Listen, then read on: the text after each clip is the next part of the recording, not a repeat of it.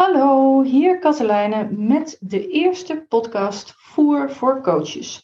De podcast voor iedereen die coach is, coach wil worden, mensen begeleidt en uh, scherp wil blijven, scherper wil worden, wil reflecteren, nieuwe modellen wil leren. Oftewel gevoerd wil worden met allerlei inspiratie en reflectie op het vak van coachen. En um, laten we eens bij het begin beginnen. Want wat is coachen nou eigenlijk? En misschien ken je mij nog niet, maar als je met me meegaat in de komende podcast, dan zul je gaan ontdekken dat ik uh, vaak net even anders tegen dingen aankijk dan de meeste mensen. En zo ook het coachvak, want ik dacht, wat is coachen? Ik ga eens eventjes googelen en dan was ik natuurlijk gewoon weer kwijt wat ik gegoogeld heb. Dus dat zit ik de plekken nog even te doen. De NOPCO, um, is ongeveer de meest toonaangevende organisatie als het gaat om coachen. En die zegt: coachen is een gestructureerd en doelgericht proces waarbij de coach op interactieve wijze de gecoachte aanzet tot effectief gedrag. Door bewustwording, persoonlijke groei, het vergroten van zelfvertrouwen, het exploreren, ontwikkelen en toepassen van eigen mogelijkheden. En je hoort al aan de toon hoe ik het voorlees dat ik denk: oh, MG een gestructureerd en doelgewicht proces, interactieve wijze aanzetten tot effectief gedrag. En dan denk ik, oh, dat is van alles wat voor mij coachen niet is. Nou, misschien stop je nu met luisteren. Dat kan. Misschien vind je het juist heel interessant. Ehm, kijk, ik coach nu bijna 20 jaar. En er is natuurlijk een heel groot verschil tussen hoe ik uh, in het begin van mijn coachcarrière coachte en nu. En ik weet ook dat als ik nu met mensen werk, dat startende coaches en zo af en toe echt zitten te kijken van waar haalt ze het vandaan en hoe doet ze dit? En daar zit natuurlijk heel veel ambacht, techniek onder, wat je op een gegeven moment niet meer ziet. Het is als het ware um, dat het lijkt alsof je met iemand een kopje thee zit te drinken. Dat hoor ik wel eens van een cliënt, dat hij dan weggaat en zegt... Ja, het lijkt altijd alsof we gewoon maar zitten te kletsen, maar uiteindelijk verandert er heel veel in mijn leven. Hoe cool is dat? Ik ga je meenemen in hoe je uh, op die manier kunt gaan leren coachen. En de eerste podcast ga ik hebben over wat mijn ideeën zijn over wat coachen is. Allereerst gaat coachen echt niet alleen over de situatie dat je met twee mensen in een kamertje zit en de een brengt een probleem in en de ander gaat dan heel hard zitten bikkelen op de oplossing. Coachen is ook uh, als je in het onderwijs werkt, Coachen is ook als je in de verpleging werkt. Coachen is ook als je leidinggevende bent. Coachen is ook als je hulpverlener bent. Uh, weet ik veel, bij de politie bent, bij de brandweer bent. Coachen gaat voor mij over het faciliteren van dat mensen weer in beweging komen, waardoor ze weer gaan doen wat ze willen doen en weer gaan kunnen wat ze kunnen. Dus coachen gaat eigenlijk altijd over dat iemand een probleemsituatie voor zichzelf heeft gecreëerd, bewust of onbewust. En dat kan niet heel tijdelijk zijn. Dus uh, ik gaf net als voorbeeld coachen is ook als je als politieagent op straat iemand tegenkomt. Uh, en die is tussen aanhalingstekens rottigheid aan het uithalen. Dan uh, is het probleem vreemd dat iemand het nodig vindt om rottigheid uit te halen. Dus hoe haal je iemand uit die situatie, uit die toestand dat hij dat soort gedrag gaat vertonen. Een uh, leerling bij wie het niet lekker lukt om te leren. Een medewerker die boos is op een collega. Um, dus het is niet altijd zo dat iemand bij jou komt en op een dienblaadje legt: Dit is mijn probleem, help mij ervan af. Maar het is wel zo dat heel veel mensen op een moment of gedurende langere tijd niet in staat zijn uit het kader te stappen wat we een probleem noemen. Jeetje, waarom verwoord ik dat zo ingewikkeld? Omdat ik dus eigenlijk gaat het allemaal over een paradigma. Ik vond tijdens mijn studie vond ik de paradigmatheorie van Koen, en ik weet helemaal niet of ik dat goed uitspreek. Dat heb je met schriftelijk uh, uh, studeren, dat je niet weet hoe het klinkt. K-U-H-N was een wetenschapsfilosoof.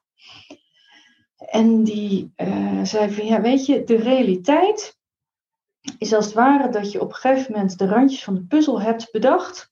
En alles wat je meemaakt zie je als een stukje wat binnen die randjes moet. Nou, iedereen die wel eens puzzelt, weet je, begint meestal met de vier hoekjes en dan de randjes en daarna ga je hem opvullen.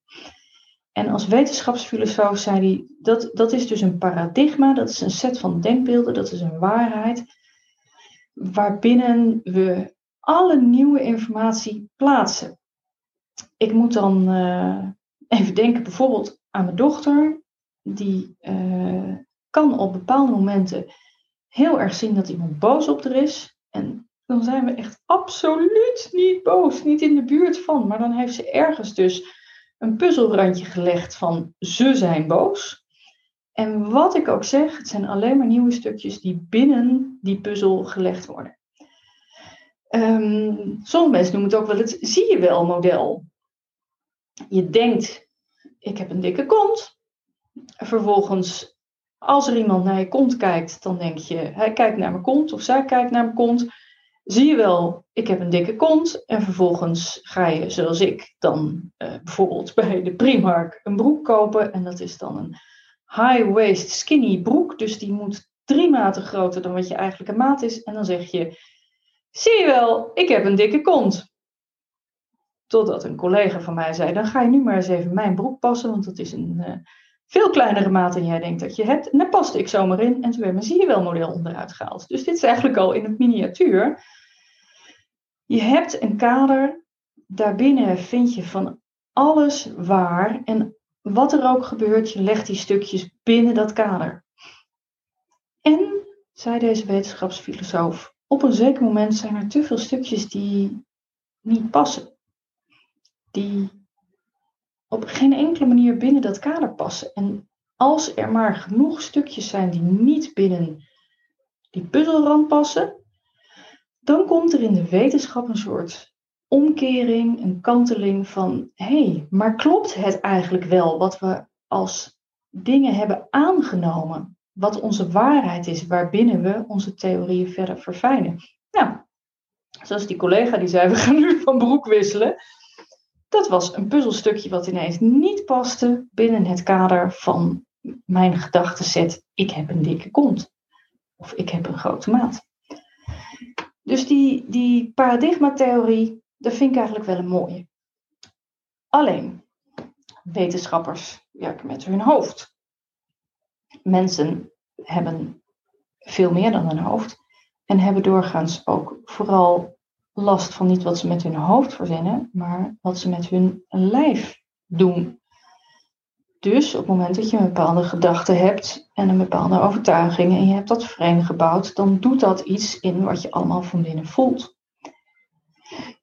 En dat luistert niet zo heel erg naar reden en verstand. Dus dan kan iemand wel zeggen, uh, je hebt geen dikke kont.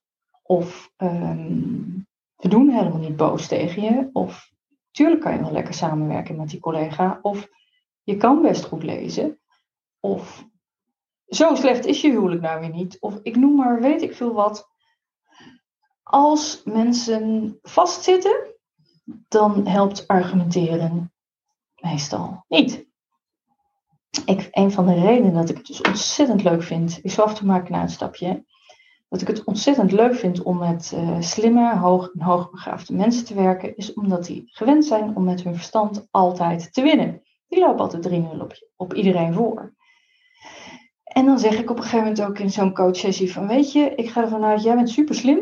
Ik kan ook best wel aardig nadenken. Dus als we samen al onze denkkracht in gaan zetten, dan kunnen we echt denken tot aan eh, de sterren, de maan en weer terug. En waarschijnlijk schiet je er geen zak mee op. Want je hebt er al meer dan genoeg goed over nagedacht. Het is maar zelden zo dat mensen uit een probleem komen door een advies. In de coachopleiding die we geven, doen we dat ook wel eens. Dan moet iemand een probleem bedenken en dan mogen andere mensen een heleboel adviezen geven. En dan vragen we aan het eind, wie heeft nou echt iets nieuws gehoord? En dat is bijna nooit zo. En toch doen veel coaches uh, hun werk op basis van verstand en op basis van, ja, misschien zelfs wel echt advies geven. Maar daar gaat het dus niet over. Waar het over gaat is dat iemand een denkframe en een full frame heeft gecreëerd. En daarbinnen is alles wat hij meemaakt waar. En eigenlijk wil hij niks liever dan daaruit. Want daarbuiten liggen de mogelijkheden. Maar waarom doen we dat nou niet? Waarom gaan we dan niet werkelijk out of the box? Waarom is wat voor de niet-probleemeigenaar, oftewel de coach of de moeder of de leidinggevende, zo voor de hand liggend is, zo klaar als een klontje, voor diegene zelf niet tastbaar als de oplossing? Dus waarom helpt oplossingen aandragen niet en moet iemand zelf op een manier tot ontdekkingen komen? Nou, dat heeft weer te maken met uh, het stressmodel. Ik ben ervan overtuigd dat 95% van de mensheid misschien wel 80% te veel stress heeft in zijn lijf. En die getallen mag je gewoon weer vergeten, want die zou ik met dikke duim hoor. Maar even voor het idee. Eigenlijk zijn we allemaal, langzaam maar zeker in deze moderne maatschappij, beland in een situatie dat we um, chronisch aanstaan. En chronisch aanstaan uh, vraagt een bepaalde alertheid in je lijf. En eigenlijk is dat de fight-flight. En die fight-flight, die is biologisch bezien bedoeld voor zo af en toe, eens in zoveel dagen, is aangezet te worden. Zoals we vroeger toen we op de prairie of in de bush bush of weet ik veel waar leefden. Was het allemaal gewoon uh, kalm en vredig en eens in zoveel tijd moest je op jacht of kwam er eens een tijger langs of wat dan ook wat gevaarlijk is. Dan kwam er even gewoon een adrenaline prikkel in je lijf. Moest je reageren, moest je even knallen. Vrij snel erachteraan kwam er dan weer een kalmeringsprikkel van cortisol. Ontspande je lijf weer, kon je weer ademhalen, kwam je een beetje bij. En had je weer een hele tijd rust. Bij ons is het eigenlijk zo dat we continu adrenalineprikkels krijgen. En voor heel veel jongeren is dat nog geen probleem. Maar zeker als je zo de 35 gepasseerd bent, kan je lijf dat eigenlijk al niet meer goed aan. En gaat er een enorme disbalans staan, ontstaan in uh, het aanmaken van stresshormonen en het afbouwen van stresshormonen. Eigenlijk zodanig dat je lichaam op een gegeven moment denkt, ja weet je wat fuck, ik moet elke keer weer opbouwen en afbouwen. Ik hou er gewoon mee op, ik blijf gewoon opgebouwd, ik blijf gewoon op een high level doorknallen.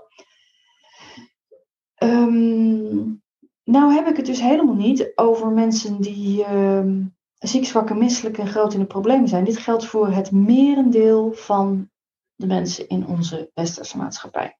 Dat, er, dat ze te veel aanstaan.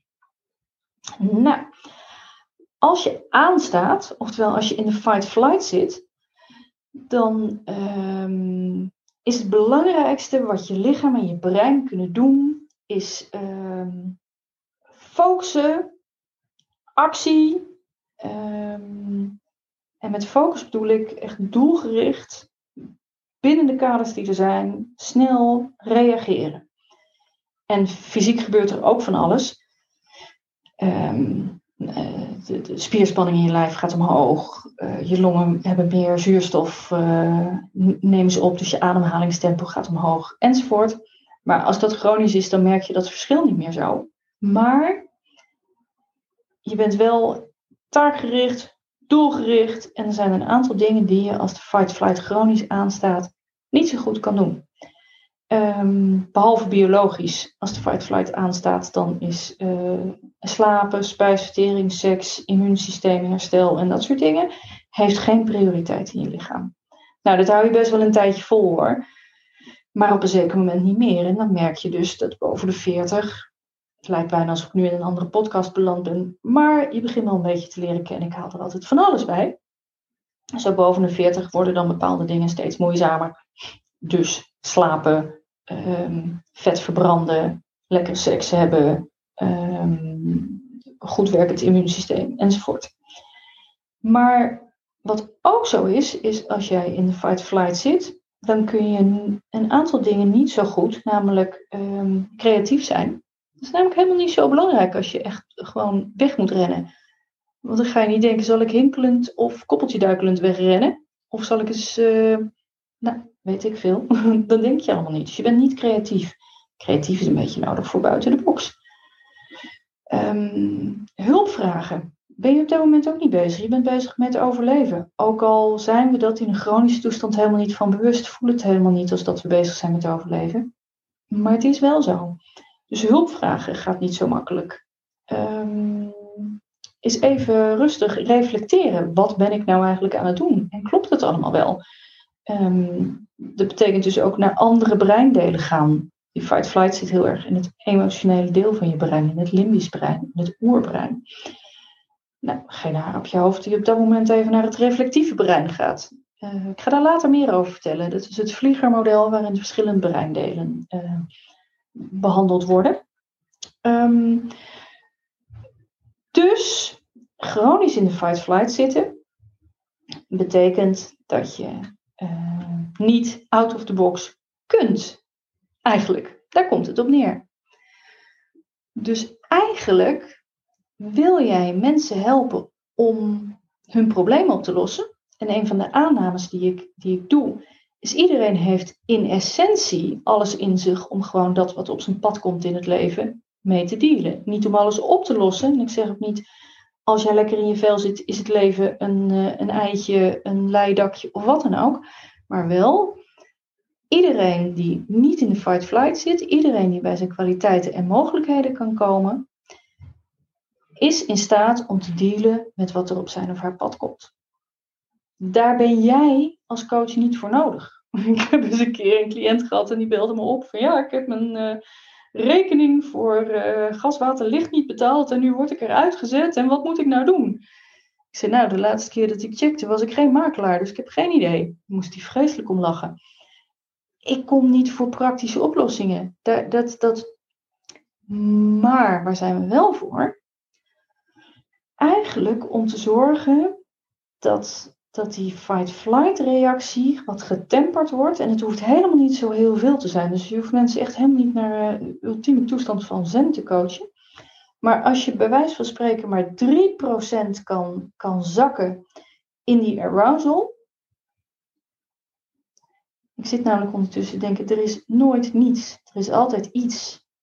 Dus als er minder arousal is, is er meer van iets anders lekker cryptisch.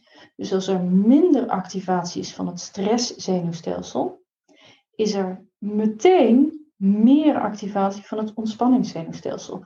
En het is werkelijk zo, zie ik elke keer weer in de praktijk, al haal je maar een procentpuntje of twee procentpuntjes naar beneden in die activatie van het stresszenuwstelsel, dan gaat er dus maar een procentpuntje of twee omhoog in dat ontspanningszenuwstelsel, dat is het parasympathisch zenuwstelsel, dan verander je de balans van binnen meteen.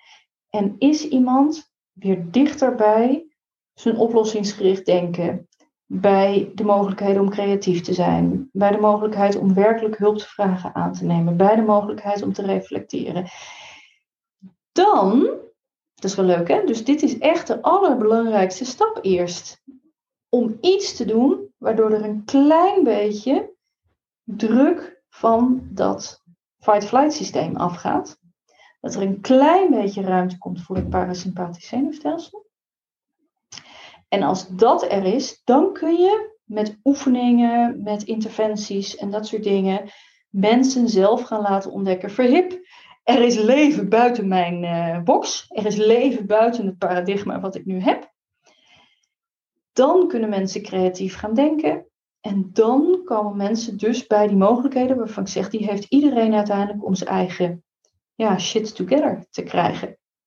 Dus zo enorm veel hoef je niet te doen.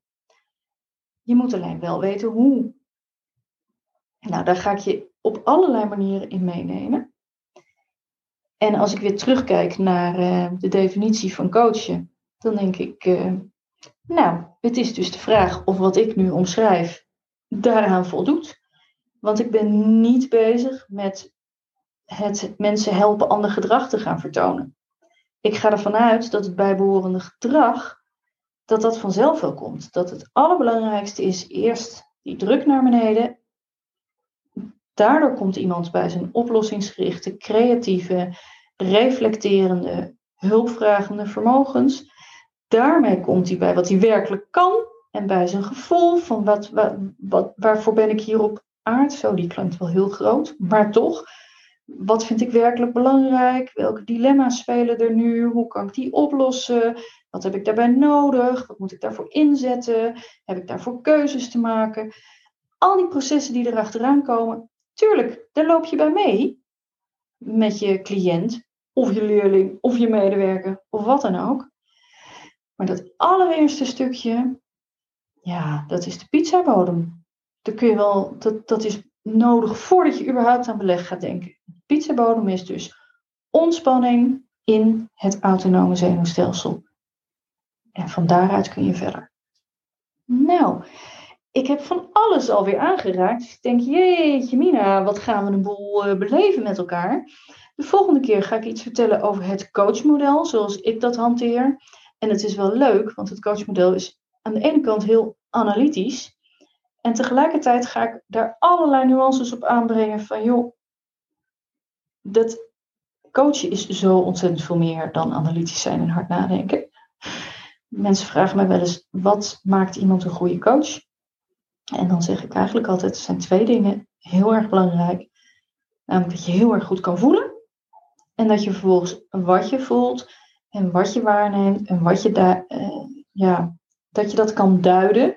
Oftewel dat je vervolgens lekker kan analyseren van hé, hey, maar wat zegt dit over iemand? Nou, ik heb uh, wel zin om, om, om wel honderd podcasts voor je op te nemen, maar stapje voor stapje. Dus dit ging over wat is voor mij nou uiteindelijk coaching? Nou, dat gaat over de druk van het autonome zenuwstelsel afhalen, waardoor iemand werkelijk in een andere stemming komt en vanuit die andere stemming weer komt bij mogelijkheden. En wat er daarna allemaal uitrolt, ja, dat gaat dan bijna vanzelf. De volgende keer ga ik het met je hebben over het coachmodel. Dus ik hoop tot de volgende keer.